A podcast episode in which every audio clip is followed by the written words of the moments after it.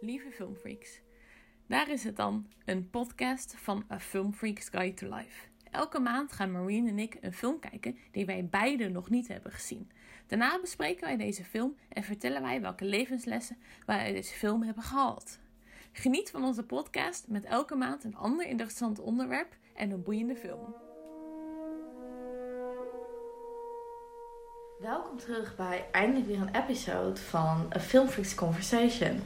Lange tijd zijn we weg geweest, maar nu dachten we het is wel weer leuk om een comeback te maken. We willen deze aflevering gaan hebben over onze top 3 films van dit jaar. Uh, aangezien het toch het einde van het jaar is en dan is het leuk om even terug te blikken. En daarbij willen we dan ook even de films gaan opnoemen waar we excited voor zijn die er nog aan moeten komen. Uh, waarschuwing, we zitten allebei op hele uh, krakkemikkige stoeltjes. Dus als je af en toe gekraak hoort tussendoor, hoort er allemaal bij. Uh, nou wat is uh, de eerste film op jouw lijst van je favoriete films van dit jaar? Oeh, ik mag beginnen. Spannend. Um, nou, ik, heb, uh, ik moet wel even zeggen, ik heb dus wel drie films die redelijk laat in het jaar zijn uitgekomen. Maar ik denk dat dat komt omdat we natuurlijk een beetje aan het einde van het jaar zitten. Dus die hebben de meeste impact op mij gemaakt. Oh ja, dat kunnen. Um, maar de allereerste film die ik heb is Tick Tick Boom. Geregisseerd door Lin-Manuel Miranda. Die sommigen van jullie misschien kennen van Hamilton. Dus het is een musical. Mensen, beware, het is een musical. uh, maar de film gaat over Jonathan Larson. Het is een uh, musicalschrijver die in Broadway woont. Of in New York, want daar is het Broadway. hij woont niet over. Maar als hij kon, had hij het sowieso gedaan. Hij is echt obsessief met Broadway. En hij wil dus heel graag een musical maken. En het gaat dus over hoe hij um, een musical wil maken. Maar wordt zo opgezogen in dat creatieve proces. Het is gewoon heel mooi en intens om te zien hoe creatieve mensen dus gewoon alles vergeten. En alleen maar kunnen denken aan hoe zij iets kunnen creëren. Alles wat ze maken, alles wat ze zien, kunnen ze dan weer toevoegen in die musical. En het is gewoon, ja, een hele intense film. En mooi. En het laat ook goed zien hoe moeilijk het eigenlijk is om beroemd te worden. Klinkt ook wel echt een malle film eigenlijk. Ja. Ik moet zelf zeggen dat ik die film niet gezien heb. Want hij staat. Hij heeft op Netflix gaan. Ik weet niet of hij dat nog steeds doet. Ja, hij is echt nog maar twee weken oud of zo. Hij is echt net nieuw. Echt? Oh ja, ja. ik had het wel voorbij zien komen. Maar... En Hamilton heb ik ook nog steeds niet gezien. Hamilton zelf ben ik niet de grootste fan van musicals. Alleen ik sta de laatste tijd er wel iets meer open voor. Ja, ik denk dat Tick Boom dan wel wat makkelijker is. Want het is niet een musical waar ze alleen maar zingen. Maar af en toe komt er een musical nummer. En Hamilton is gewoon alleen zang. Oh, Daar wordt gewoon niet in gepraat. Ja, oké. Okay, dus dat, is wel next level. next level musical, ja. Uh, okay, ja, en Marine, nu mag jij je eerste film vertellen. Even kijken, ik begin wel met de film uh, Titan, want die is nog langst geleden dat die zag. Ik moet heel even, ik weet niet meer exact wanneer die uitkwam, maar het was wel een paar maanden terug. Ik weet dat ik erheen ging met uh, uh, vrienden van Sharon van haar opleiding. Um, ik moet wel toegeven, dat is me nog nooit eerder overkomen, maar ik kwam te laat de film binnen. Uh, dat vond ik zelf wel, ja, ik was, was er zelf heel gestraft van. Maar Sharon's vrienden waren nogal uh, traag aan het doen met uh, eten en naar de oh, film nee. toe gaan. En toen was ze ook nog oponthoud omdat een van de vrienden per ongeluk niet de app had gedownload van het coronabewijs. Dus we hebben de eerste scène gemist van de film. Nee. Wat wel ergens een essentiële scène was, omdat dat eigenlijk uh, het soort van het, het, het begin ja, zien. het zet de hele moed. Ja, maar ik heb het in ieder geval opgezocht. Maar het is een uh, Frans-Belgische horror thriller. Oké. Okay. Het is een hele absurde film. Um, het is uh, geschreven en geregisseerd door Julia Ducournau. Waarschijnlijk spreek ik het verkeerd uit, sorry hiervoor.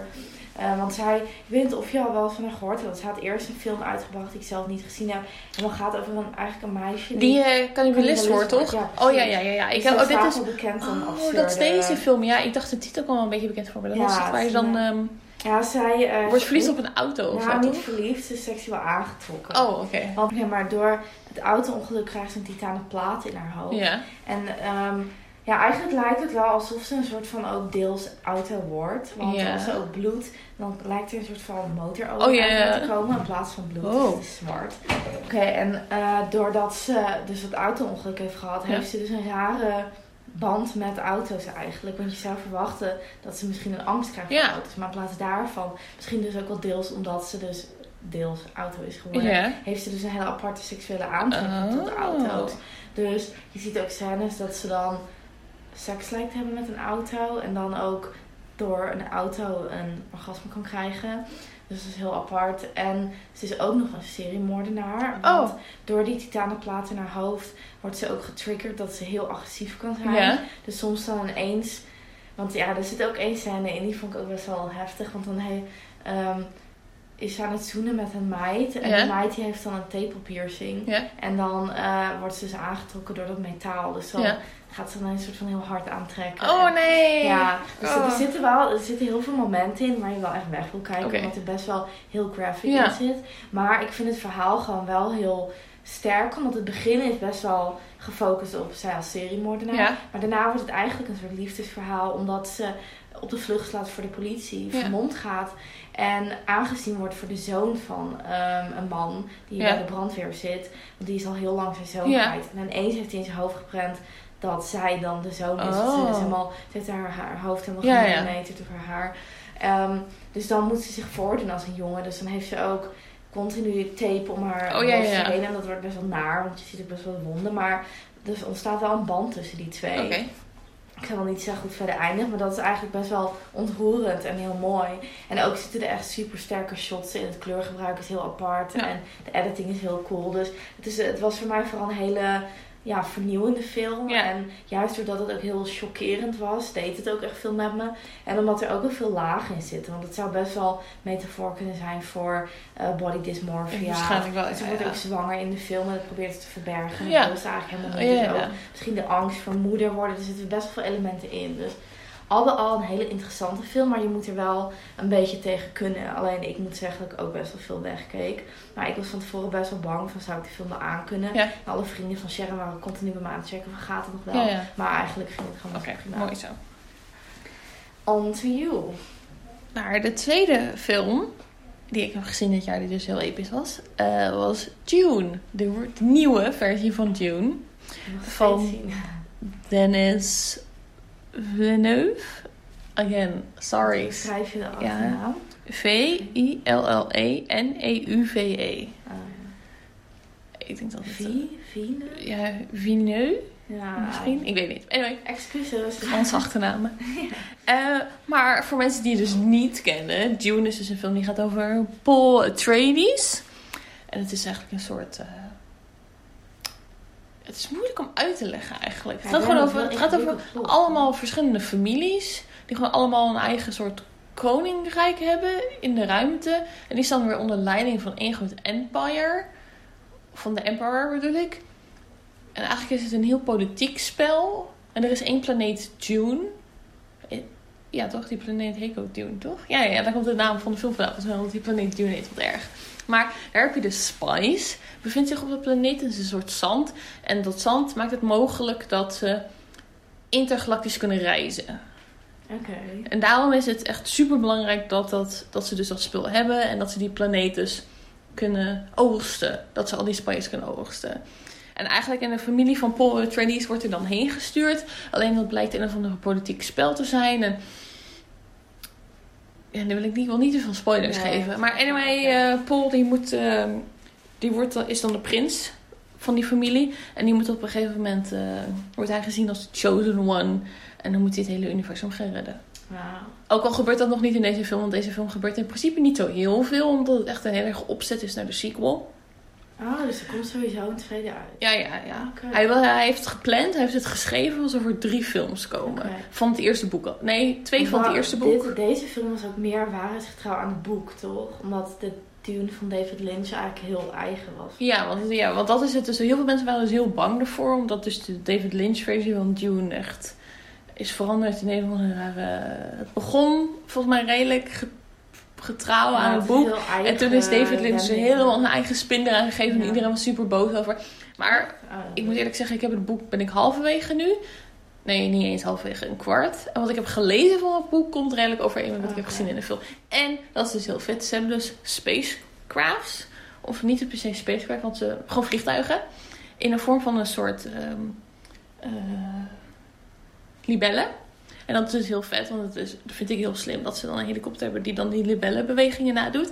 Maar dat is dus concept art van de schrijver van Dune. is dat dus. En dat hebben ze dus verwerkt in de, film, in de film nu. Dus dat vond ik heel vet. Dat ze dat hebben gedaan. En het is gewoon een hele vette film. En ik was dus een beetje bang dat het te mainstream ging worden. Omdat het dus alleen maar A-list acteurs in zitten. Dus Timothy Chalamet, Zendaya, Ja. Oscar Isaac. Maar dat was het dus niet. En de muziek is heel vet. Want het is Hans Zimmer. en Oh, Hans Zimmer heeft cool. Tenet afgezegd van Christopher Nolan. Ondanks dat Wow, Christopher Nolan en Hans Zimmer gewoon de perfecte samenwerking is, heeft Hans Zimmer gezegd: nee, ik wil per se Dune doen. En toen heeft hij dus nee gezegd tegen Christopher Nolan. Wauw. En het was gewoon Jij een hele een vette artikel film. geschreven trouwens over Hans Zimmer en Christopher Nolan. Dat klopt. Ja.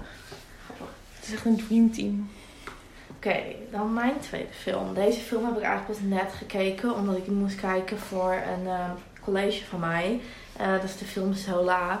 En dat was dan wel grappig, want ik heb net eh, bij literatuur heel veel behandeld over eh, de naturalist Emile Zola. Dus in mijn hoofd dacht ik, dit is een film, een biografische film over Emile Zola. En ja, ik kon niet, I couldn't have been more wrong Ja. omdat de film gaat over ehm, twee strippers. En interessant aan deze film, eh, de film is trouwens eh, geregisseerd en deels geschreven door ehm Janika, Janiksa Bravo. Ik probeerde de goede uitspraak op te zoeken, alleen ik kon het niet vinden. Dus ik hoop dat dit enigszins in de buurt komt. Ehm, maar zij ehm, heeft dus deze film gekozen. Alleen het is eigenlijk een hele accurate waarheidsgetrouwe film over eigenlijk een Twitterstorm. Nou, noem je dat zo? Een hele Twitter-verhaal eigenlijk. Eh, thread. Eh, oh ja, een Twitter-thread. Ehm, want het bestaat eigenlijk, het verhaal bestaat uit in totaal 148 tweets van eh, de stripper Sola. Ja. Ehm, want zij kwam eigenlijk een soort van op voor eigenlijk wat er haar overkomen was. En het was natuurlijk best wel een absurd verhaal. En, Heel ehm, absurd, ja. Ja, en zij heeft dus gekozen om dat verhaal te gaan verfilmen. En dat heeft ze op een hele, ja, eigenlijk hele unieke manier gedaan. Want het is natuurlijk best apart om een Twitter-thread als eh, storyline Ja. te hebben. En in plaats van dat ze daar of te erg in is doorgeslagen en juist continu dat je bijvoorbeeld tweets en beeld zou zien. Oh, Dat zou- ja, Dus, en dat wilde ze dus niet. Dus zij heeft een hele mooie lijn gevonden, of een balans gevonden tussen eigenlijk gewoon een klassieke vertelling Ja. omdat het verhaal leent zich best wel van klassieke vertelling. Want het verhaal gaat dus over een, ehm, eigenlijk gewoon een danser die ook in een eh, café werkt. En Ja. die ontmoet daar een meisje. En dat meisje die eh, raakt een soort van bevriend met haar. En ehm, die neemt haar dan mee op een roadtrip eh, met haar vriendje en een eh, huisgenoot, zegt ze dan. En ehm, dan, als ze eenmaal op die roadtrip gaat naar Florida, geloof ik, komt ze dus achter dat ze gewoon erin geluisterd is. Ja. En dat ze eigenlijk gewoon, dat dat meisje een stripper is en dat die huisgenoot haar pooier Ja. is. En dan moet ze, ja, dus dingen doen die ze niet wil doen. Ehm, en ja, het, het escaleert best wel, het wordt best wel eh, heftig of zo. Ehm, maar dat heeft ze gewoon op een hele ja, unieke manier gedaan. Want bijvoorbeeld als er eh, eh, letterlijke citaten of strofes uit de tweets genoemd worden in de film, hoor je een Twitter geluidje. Oh. En eigenlijk gedurende de hele film word je er eigenlijk aan herinnerd dat het gaat over Twitter. Dus je ziet continu, ja, je ziet ze veel op hun mobiel zitten. Soms lezen ze echt voor alsof ze een tweet plaatsen. En je hoort dus continu die Twitter Ja. geluidjes. Dus waardoor je steeds verstoord wordt van, hé, hey, dit is niet gewoon dagelijks leven. Nou, dus dat vond ik een hele interessante manier. En ook bij editing zitten er hele ja, slimme methodes in. Om het, er zitten soms hele ja, typische dingen in. Alleen Ja. soms ook ineens juist iets afwijkends van eh, klassieke vertellingen. Ehm, ik, kan, ik kan wel allemaal voorbeelden gaan noemen, alleen dan wordt het misschien iets te uitgebreid.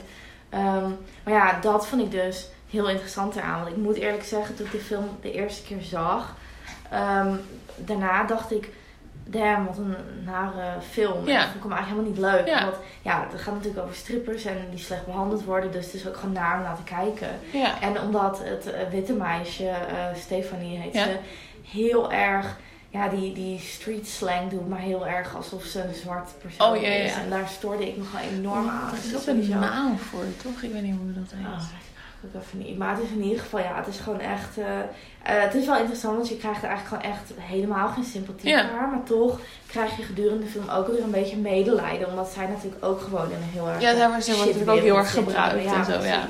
Ook al ja, is ze gewoon als persoon zelf, wordt ze nou niet echt heel Nee. aardig neergezet. En eh, het is wel grappig, omdat in deze film is het natuurlijk best wel apart dat je gewoon het verhaal krijgt van de, van de zwarte vrouw en Ja. niet van de witte vrouw. Ja. En dat is, is wel heel belangrijk. En ook heeft dat, eh, die witte stripper Stephanie heeft toen op Reddit haar kant van het verhaal Ja. ehm, opgeschreven. Maar best wel absurd hoe zij het verwoordt. Dat alsof zij niets van de stripperwereld af is en gewoon een christelijk meisje was. Ja, oh, dat is gewoon en als- compleet uh, Ja, maar dat is heel ehm parodisch, cynisch in de film Ja, ja. eigenlijk. Er kort even ingezet, haar perspectief. Ah. Maar dan ook met juist hele mislukte editing erin om een beetje te laten merken van... van dat klopt eigenlijk ja, niet. dus oh, vind het best wel slim gedaan Ja. of zo. Dus ehm, ja, al bij al was het gewoon wel een hele ja, unieke film. En, eh, ja, heel goed neergezet. Ik moet zeggen, ik vind het wel leuk dat er geven ons films overeenkomen. Ja, Ik vind inderdaad. grappig Hele dat we echt blijkbaar hele andere films hebben gezien. Want ik heb ook geen enkele van de films gezien die op jouw lijst staan. En jij hebt ook geen enkele film gezien die op mijn Nee, lijst ik, staat. ik moet die nog steeds zien. Alleen ik heb dus nog steeds de oude niet gezien. Die wil ik voor mezelf, wil ik voor Ja, dat mezelf ik. even eerst zien. Maar inderdaad. Maar hey, we like kunnen elkaar weer dingen aanraden. Ja, precies. Elkaar dingen leren. Ja, precies.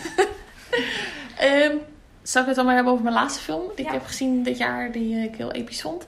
Ehm, dat was Shang-Chi and the Legend of the Ten Rings, geregisseerd door Destin Daniel Cretton. Eh, het was wel een hele vette film. Ik weet dat het een Marvel film is, maar het is dus de allereerste volledige Asian Marvel film. Met een volledig Asian cast, Asian hoofdpersoon. Ook de Ehm, regisseur? dat weet ik dus niet, maar volgens mij wel. Even opzoeken. Wacht, Sanji. Ja, Shang-Chi. And the Legend of the Ten Rings. En het is gewoon... Terwijl je het opzoekt, kan ik wel even verder vertellen. Het is gewoon echt een hele goede film. Vooral omdat natuurlijk, door de, ja, omdat natuurlijk Marvel echt al sinds 2008 bezig is om met een universe op te bouwen. De MCU, de Ja. Marvel Cinematic Universe. En we hebben natuurlijk al dus sinds 2008 al hele tijd dezelfde personages in de film zitten. Vooral na Avengers in 2012 had je gewoon elke keer weer Avengers, Avengers, Avengers.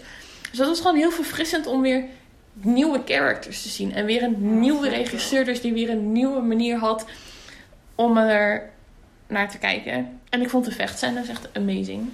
Ik zeg heel even tussendoor. Oh? Het is geen ehm, Asian filmmaker. Want hij komt uit, oorspronkelijk uit Hawaii, uit Haiku. Oké. En eh, oh, hij is wel, oh, hij is de zoon van ehm, een Japans-Amerikaanse eh, vrouw. En een, dan weer een Ierse, Slowakijse, Amerikaanse vader. Dus het is, Heel mixed. ja, inderdaad. Oké. Maar in ieder geval is het, eh, ja, het is niet volledig een Asian. Maar in ieder geval, ja. Wel een beetje Ja, hij heeft in ieder geval iets Japans. iets Japans. Eh, maar het is gewoon echt een hele vet film. Het is gewoon... Het is dus ook een... ehm, ik heb laatst een film gezien van een Chinese filmmaker. Oh, ik weet niet hoe het heet. Want echt. Maar die ging dus ook over de Ten Rings. Dus het is echt een wel bestaand verhaal. En het is dus een beetje een Marvel twist hebben ze daar aangegeven. Ehm, en het was heel vet omdat er weer... Want in Iron Man 2 zit dus de Mandarin als slechterik. En die komt dus nu weer terug in deze film. Dus het is gewoon een callback van echt een paar jaar. En Marvel is daar gewoon zo ongelooflijk goed in. In dat als je echt alle films kijkt, dat er dan zoveel easter eggs in zitten. Die je dan alleen snapt als je alle Marvel films hebt gezien. Maar deze film is ook prima te zien als je niet alle Marvel films hebt gezien. Het is gewoon ook op zichzelf is het gewoon een goede film. Maar het was gewoon echt heel... En de vechtscènes waren, ja, zoals ik al zei, de vechtscènes waren gewoon episch. Oh, ja, ik wil deze ook wel echt kijken. Vooral omdat Marvel heeft altijd heel veel kritiek over dat de editing van de vechtscènes heel snel en gehaast zijn. Waardoor je niet zo goed ziet wat er nou eigenlijk gebeurt. En dat viel volgens mij bij deze wel mee, voor mijn gevoel. En ik vind gewoon karate heel vet. Nou, het is dan geen karate, dat is natuurlijk weer veel te generalizing dat al die vechtscènes onder karate valt. Maar gewoon die stijl van vechten vind ik gewoon heel vet om te zien. nice. En denk ik altijd van, wat ook een beetje lijkt op dansen. En dan denk je gewoon van, Ja, dat wil ik ook. ja, echt, dat snap ik. Ja, en dat waren dus met drie films. Het zijn alle drie wel een beetje, ik weet niet, een beetje mainstream films, maar ik vond ze gewoon heel vet. Sommige films zijn mainstream voor een reden. Ja, de mainstream films worden wel, worden wel, nou, er zitten natuurlijk nog steeds heel veel shitty films tussen. Even al die general, general actiefilms. Ja, inderdaad. Maar het viel mee dit jaar, vond ik. Ja, ik had het zelf ook. Ik, ben zelf inderdaad ook wel een type geworden die heel veel juist filmhuisfilms kijkt. Ja. Maar ik hou ook nog steeds bijvoorbeeld Suicide Squad. Vond ik ook heel leuk die dit jaar uitkwam. En En. Black Widow vond ik ook heel vermakelijk Ja. die dit jaar uitkwam. Dus, weet je. En op zich, de derde film die ik nu kies is ook wel een beetje een mainstream film. Oh. Also for a reason. Mijn derde film is The French Dispatch. Misschien zagen jullie hem al aankomen. Een die film is mainstream natuurlijk ook best wel...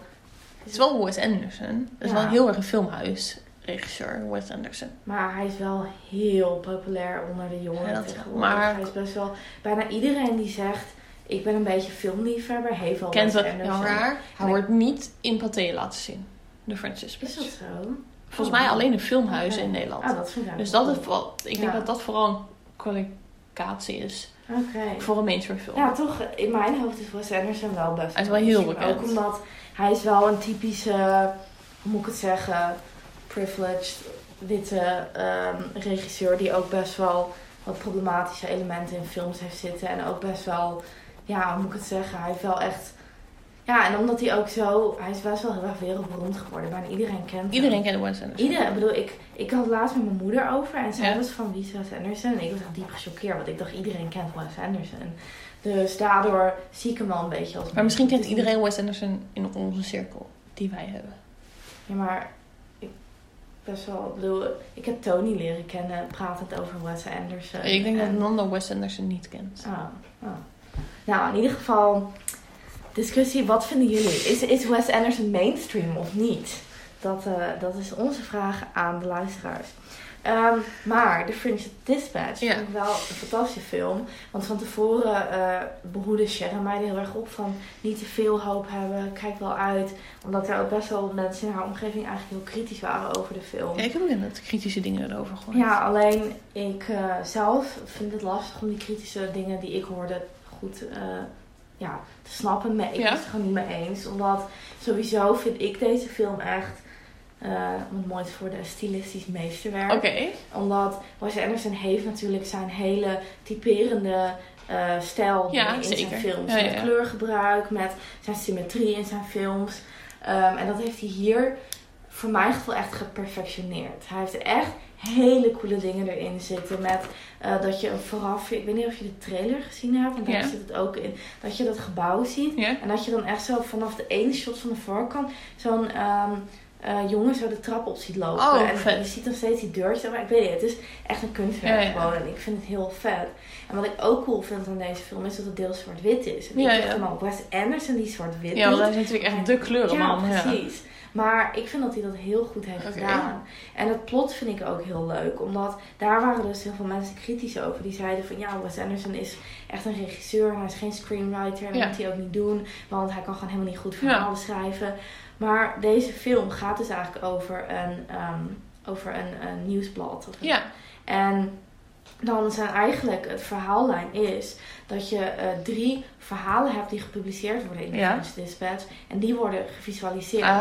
Dus het zijn eigenlijk drie losse verhalen met dan als connectiepunt de hele tijd dat Dat. French Dispa- Oh. Dispatch. Ja. Dus eh, Bill Nye is dan de, ehm, soort van de eindeditor.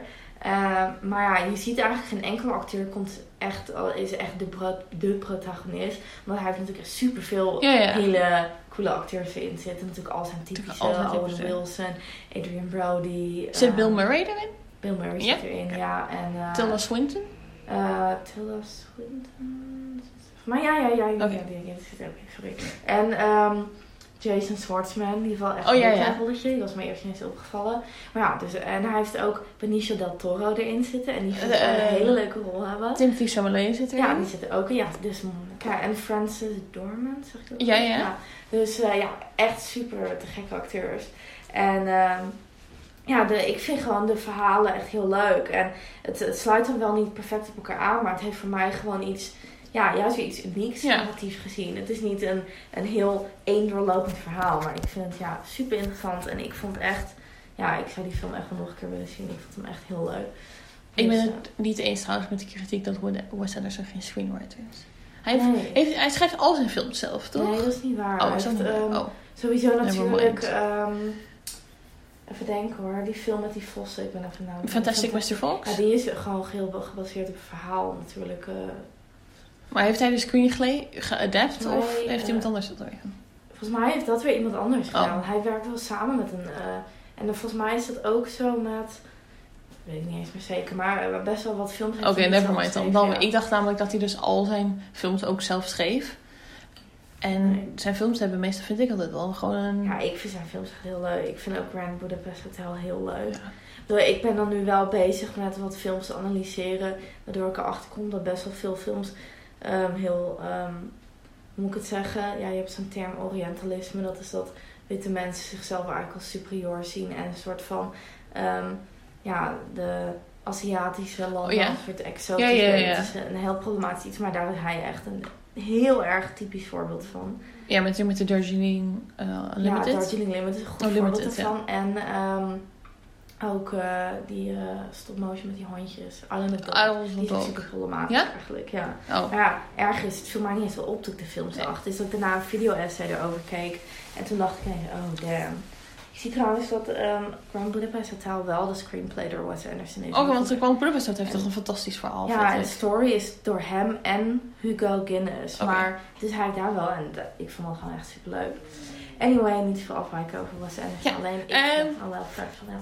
Laten we nu dan maar beginnen over de films waar we heel excited over zijn. Die Ja. in latere tijd van dit jaar uitkomen. Ja. Eh, we wilden eigenlijk 2022 zeggen, maar ze hebben ontdekt dat het ook eh, films zijn die nog in december. Want Ja. december is natuurlijk de bioscoopmaand van het jaar. De alle grote films komen altijd uit in december. Yes. Ook in filmhuizen, is mij geleerd. ja, inderdaad. Niet alleen, ik dacht altijd dat het alleen maar bij mainstream bioscopen was. Dat alle grote blockbusters van het jaar komen rond kersttijd uit. Maar dat is dus blijkbaar Ja, ook in filmhuizen. Heel erg, ja, want in de zomer waren best wel weinig films. Echt be- best wel ook alleen maar hele eh, neerslachtige films. Ja. En nu ineens, einde van het jaar, komen alle toffe Het is dingen. blijkbaar echt... Ja, het is echt insane. Ik weet dat het met YouTube ook is. Dat als je Echt? het meeste geld kan verdienen in december. Blijkbaar zitten de meeste de mensen zitten gewoon het Ja, meest thuis. En die kijken de meeste tv en films in december.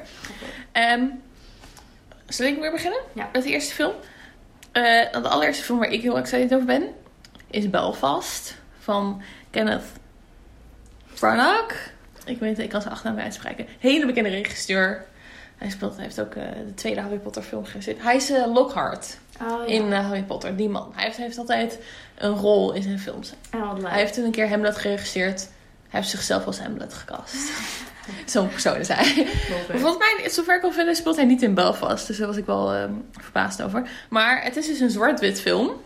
Wat ik al episch vind. Ehm, over een kind die eh, in een gezin woont in Ierland. In Noord-Belfast dus. En het gaat dus over de jaren 60. In dat hele gedoe met de Noord-Ierse onafhankelijkheid. Met Engeland. Dat dat echt... eh, was echt een... Oh nee, met het andere deel van Ierland. Ja, ik weet zeg er maar- dus niet zoveel over. Ja, want eh, Zuid-Ierland, die hoorde op een gegeven moment... Noord-Ierland hoorde bij Engeland. Zeg ik dat goed? Nee, Noord-Ierland is onafhankelijk. Je hebt Noord-Ierland en Ierland. En Ierland hoort nog bij eh, Great Britain. Maar Noord-Ierland is afhankelijk. Onafhankelijk. Toch? Oké, wauw, ik moet welke van je Maar ik weet het, dat, dat is het dus. Ik weet er dus niet zo heel veel van, Ja, van die geschiedenis. En daarom inderdaad wil ik die film dus ook gewoon heel graag zien om wat meer te leren over die geschiedenis. En ze hebben dus allemaal Ierse acteurs ook. Jamie Dornan. van Oh, nou. Yield het op. Heel Yield het op. Verhaal voor een andere keer. Ja, Ja, maar dat is echt... YouTube-video's. YouTube, ja, Graham Norton. Graham Norton. Graham Norton, ja. Jamie Dornan. Hield, hield het op. En Noord-Ierland maakt als constituerend land met Engeland, Schotland en Wales deel uit van het Verenigd Koninkrijk. Dus Noord-Ierland oh, is nog wel deel Dus Ierland van... is inderdaad Oh, afhankelijk. En Noord-Ierland Ja, ik dacht al, want Ierland, toen wij naar Dublin gingen, Ja? was het echt een apart land. En Ja, ja, daarom. Is Ja. inderdaad... Oh, oké. dan had Ja. ik het inderdaad... Het is dus andersom. Ehm, weer wat geleerd. Ehm, maar ja, ik ben gewoon heel benieuwd. En ik vind het altijd heel interessant om een film te zien van het standpunt van een kind. Ja, Dat, vind ik ook gewoon... Je hebt ook... ehm, Jojo Rabbit is daarom Ja. ook zo heel interessant, vind ik. Omdat het ook van het standpunt van een kind is. En kinderen zien dingen gewoon op een hele andere manier. Ja. En als een regisseur dat echt goed kan brengen. Dus ik ben daar heel excited over. Nou, wat cool. Ik, ik heb helemaal niks van die film gehoord. Nou, ik dus ook niet. Alleen toen was ik dus aan het werk bij het, het filmhuis. En toen kwam dus de trailer op de Oh. tv. En toen dacht ik, toen nog dit jaar uit? Of? Nee, hij komt wel echt in 2020. Hij komt Oké. volgens mij in februari uit, in Oh, oké, 2022. Geduld dan. Ehm, dus Marine, wat is de allereerste film waar jij excited over bent? Nou, de eerste eigenlijk in mijn hoofd is eigenlijk Thor, Love and Tinder. Ik weet niet of jullie dat van mij verwachten, dat het een uh, Marvel film is. Maar wel Taika Waititi en hij is toch wel een van mijn grote helden. Ja. Uh, dus eigenlijk dat is het gewoon. Ik bedoel, de vorige Thor film vond ik gewoon heel leuk. Omdat ik echt gek ben op Taika Waititi's humor. Maar dat was ook echt bij far de beste Marvel film. Ja, inderdaad. Hij was gewoon zo leuk. En daardoor heb ik gewoon heel veel vertrouwen in dat deze film weer heel erg leuk gaat zijn. En ik wil gewoon alles van Taika Waititi vind ik gewoon fantastisch. Ik zou ergens wel graag willen dat hij ook weer een soort van losstaande onafhankelijke films ja. maken. Omdat die vind ik stiekem wel echt de beste. Zoals ja. Hunt for the Wilder People is nog steeds mijn favoriet. Maar uh, ja, daar ben ik heel excited over. En die wordt verwacht ongeveer in juli in de zomer. Dus nog even geduld. Maar eindelijk is het jaar er bijna dat deze film uitkomt. Volgens mij wachten we daar ook wel jaren op. Ja, ja, ja. volgens mij echt al sinds de vorige Thor. Ja, was al aangekondigd. Er komt sowieso een sequel. Ja, maar weet ik niet wanneer. Nee, dus dat is zo lastig. Hè. Dat had ik ook met de French Dispatch trouwens. Die is ook heel erg veel uitgesteld door corona. Ja, maar dat is ook met corona inderdaad. Zijn Ja, films echt... Gewoon twee jaar zijn films, sommige films uitgesteld. Ja, echt heftig. Maar ja, die dus eigenlijk. Dus, eh, En je weet nog niet zoveel van het plot, omdat Marvel nee, Marvel is natuurlijk... mysterieus. Dus ik kan er niet te veel over zeggen. Maar in ieder geval, eh, ik zag dat eh, Natalie Portman er weer in gaat spelen. Ja. James Da- was verkozen. Dat was het. Oh my god, volgens mij gaat Natalie Portman dus Thor spelen. Oh my god, dat was het. Ik wist dat het iets met de film was. Ja, want je hebt dus in de stripboeken... Ja, dat Is Thor, is Natalie Dorman, zij speelt Jane. ja. Die wordt dus de nieuwe Thor in de stripboeken. En volgens mij gaat de film dat dus ook doen. Interessant. Volgens mij Dat gaat dat... Oh, dan weet ik het niet meer zeker. Maar volgens mij gaan ze dat, gaan ze dat een Oh. beetje behandelen. Onder andere in de film. Cool. Daarom is ze ook volgens mij weer Ja. terug. Sick. Omdat ze eerst niet terug wilde, geloof ik. Dat was een gedoe met haar en Marvel. Oké. Nou, interessant mensen. Even geduld hebben, maar uh, ben benieuwd. Nou, maar jouw tweede film. Nou, toevallig is mijn telefilm ook een Marvel film. Marvel is lekker bezig. Ja, Het is dat we geen tv-series mochten doen, want er komen zo fucking veel tv-series van Marvel uit. En tot nu toe zijn bijna alle series van Marvel gewoon... Maar er worden echt miljoenen ingegooid. Het is gewoon het budget van een film, één aflevering wauw. van een tv-serie. Ja, het is echt intens. Marvel heeft echt... Disney, hè? Disney heeft Ja. echt drie voor geld. Ehm, maar de, kant, de film die ik wilde eh, van Marvel is Spider-Man No Way From Home. De derde Spider-Man film, nu met Tom Holland. Ja, want je hebt Spider-Man, gezien. Spider-Man Far From Home. Ja, dit is de derde. Ja, ja, ja, ja want in de tweede ging ze naar Europa. Eh, maar dit is dus de derde Spider-Man film met Tom Holland. Hij is gewoon een heel leuke Spider-Man. Vooral omdat hij er ook gewoon echt uitziet. Oké, maar hij is 25, maar hij ziet eruit alsof hij 15 is. dus dat Ja. was. Hij zit echt als een tiener. En Zendaya zit er weer in. En Zendaya vind ik ook gewoon echt een fantastisch persoon. Ehm, en het moet dus een hele serieuze Marvel film worden. Dat hebben ze tot nu toe nog niet echt gedaan. Want Marvel staat vooral bekend om eh, dat zij heel kleurrijk zijn en heel grappig. En dan DC, vooral de Christopher Nolan films zijn heel erg bekend dat ze heel grimmig zijn. Dat Marvel had er echt een tegenhanger van. Ehm, maar dit moet blijkbaar echt een hele serieuze film worden en niet een grappige film. Hebben ze al gewaarschuwd. Tom Holland vooral. En het gaat dus over parallel universums. En ik hou van parallel Ja. universums. Dat is echt my thing. En dus alle schurken van de andere Spider-Man films met Andrew Garfield en Tobey Maguire, bijvoorbeeld Dr. Ock, die man met de oktopusarmen, die spelen dus in deze film Wow. als originele acteurs. Ook. En je hebt dus Jamie Foxx, die speelt dus een slechterik in de Andrew Garfield Spider-Man films. En die komt dus ook in deze film. Dus ik weet niet hoe fucking veel rechten Marvel, Disney heeft moeten opkopen om dat allemaal te kunnen gebruiken. Omdat die films dan weer van Sony zijn. Ja. Maar dat gaat dus heel vet. En er is dus een hele grote rumor dat Andrew Garfield en Tobey Maguire als. Spider-Man erin komen. Maar ze zitten dus niet in de trailer. En iedereen was dus helemaal van... What the fuck? What the fuck Marvel? Ze zitten niet in de trailer. Maar Marvel gebruikt dus editing om de trailer, beelden uit de trailers. Dan gaan ze gewoon... Ze zeggen dus dat ze ze hebben gewist uit de trailer. Want Marvel heeft dus al vaker het trucje gebruikt. Heb jij Endgame gezien? Ja. Er zit dus een scène in de trailer van Endgame die niet in de film zit. Omdat ze dat dus hebben gebruikt als Zo een... Dat is ook eh, een stuur. Zo. Dat, ehm, bij Thor is het zo dat de scène die in de trailer is, Ja. anders is dan Ja, de scène precies. gewoon de achtergrond anders Ja, dat doen ze dus. En dat doen ze dus omdat dan post-editing hebben ze het toch veranderd. Dus dan Ja. zijn ze het niet mee eens, hebben ze het toch veranderd. En ze doen het dus als een stuur, omdat ze niet te veel geheimen willen weggeven van de trailer. Maar Van waarom, als ze dan vervolgens gaan eh publicly zeggen, we hebben ze gewist, dan is Ja, maar ze hebben dus niet gezegd dat ze hebben ze gewist. Oh, dat denken maar dat mensen. denken dus heel veel mensen. Want mensen hebben echt, ik heb echt zoveel artikelen gelezen over van... Je hebt hier eh, Tom Holland in het beeld en je hebt daar drie schurken. Maar waarom zijn er drie schurken? Ze kijken alle drie een andere kant op. Dus ze kunnen niet Oh. allemaal naar Tom Holland kijken. Dus we missen twee mensen. Zijn dat toevallig twee? Het is echt episch. Oké, nou. Eh, dus daar ben, ik heel, daar ben ik echt heel excited over. Weet je wanneer die ongeveer uitkomt volgend jaar? Eh, nou, 16 december al. Oh, oké. Nou, Dus over eh, een week. Anderhalve week, ja. Ja, Zeker. dus ik ben heel benieuwd. En dan gaan we uiteindelijk weten of en hoe Ja. Garfield. En ik wil eigenlijk dan niet op internet kijken, want ik weet dat ik ga gespoild worden of ze erin zit of ja, niet. maar je moet er gewoon meteen heen gaan op 16 december. Ja. Ja, ik gewoon Oh ja, en je moet niet aan Andrew Garfield vragen of hij in die film zit, want dan wordt hij echt heel boos. Want iedereen vraagt het aan hem Ja, namelijk. dat snap ik wel. Oké, dan mijn tweede film. Volgens mij is dat ook een beetje cheating, want volgens mij is hij stiekem al uitgekomen. Maar ik dacht dat hij nog uit moest komen. Dat is de film Annette. Want ik was laatst in de bioscoop en toen zag ik dus de trailer van die film. En hij zag er super interessant uit. Ja. Sowieso zit Adam Driver erin. Adam ik hou van Adam Driver. Ik vind hem echt fantastisch. Hij zit ook in mijn favoriete film Patterson. Ehm, maar de film lijkt me ook heel apart. Want hij gaat dus over eh, Adam Driver, die een stand-up comedian is. En zijn vrouw of vriendin, ik weet niet of ze Volgens mij een vrouw. Eh, die is een beroemde soprano. Eh, dus ze zitten allebei een beetje in het theater- en muziekcircuit. En dan krijgen ze een kind, Annette.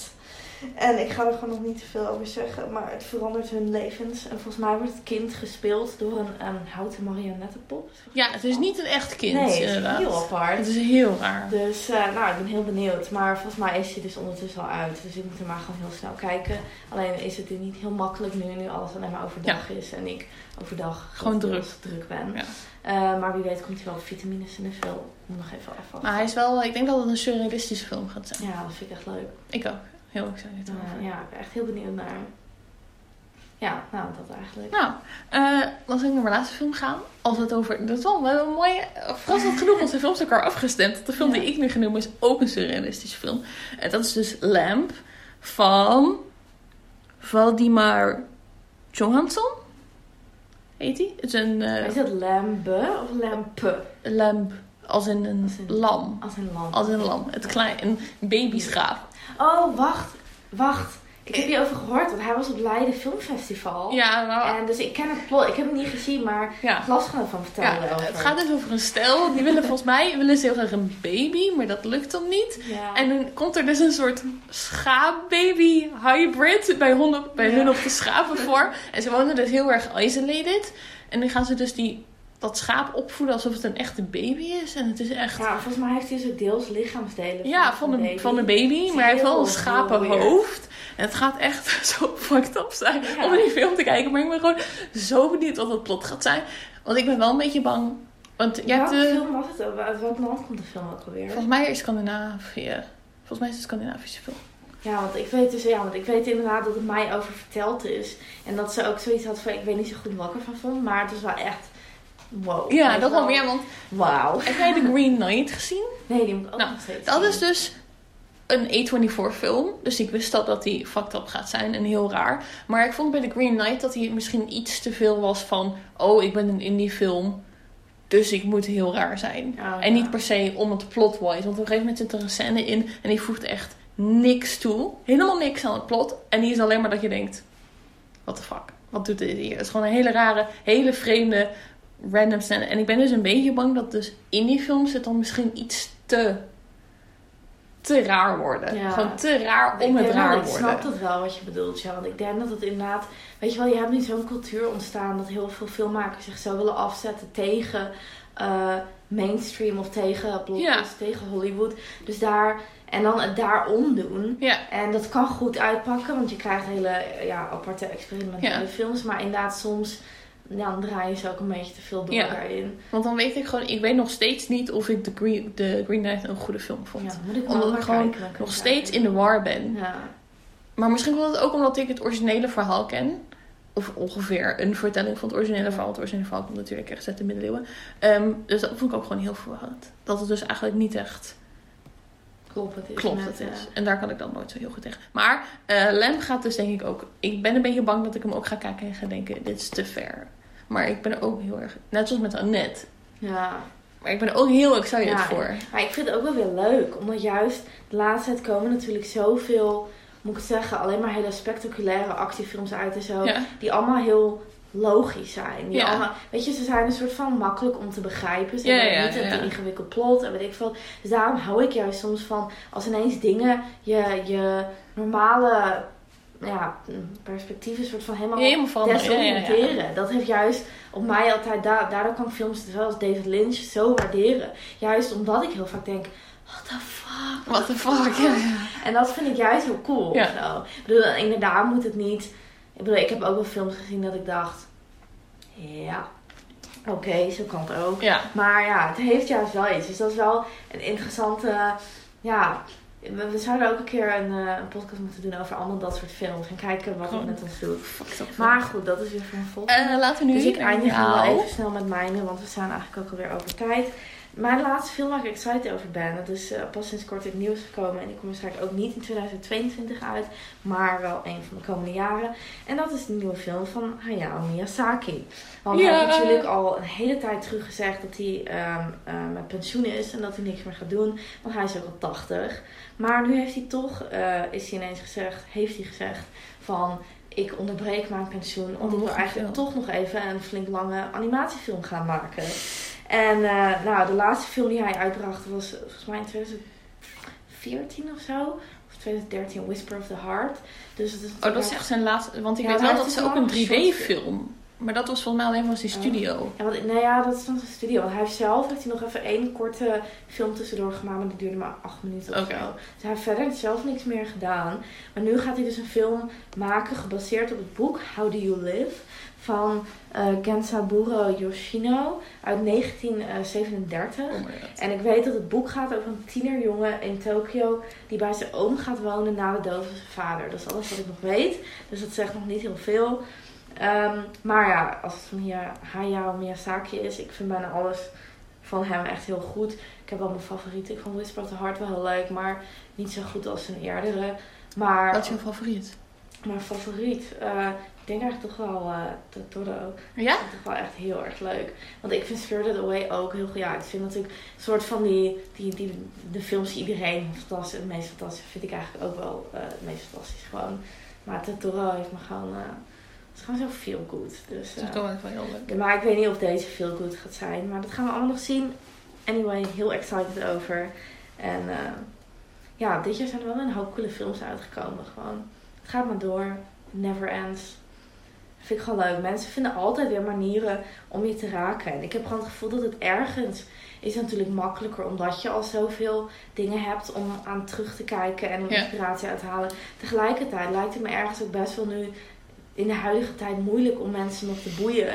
Omdat mensen al zoveel films gezien hebben. Ik bedoel, toen de film net ontstond in 1900 waren mensen al helemaal excited over, weet ik veel, hele simpele editing. Of weet ik Ja. toen waren mensen heel snel, eh, ja, hoe moet ik het zeggen, overweldigd. En nu zijn mensen heel gauw saai, langzaam, traag. Of juist, ja, natuurlijk de, dat, dat mensen dan zeggen het is te spectaculair. Ja. Het draait alleen maar meer om actie. Dus om een goede balans te vinden en nog echt rake verhalen te maken die mensen echt boeien, dat lijkt me best wel een uitdaging.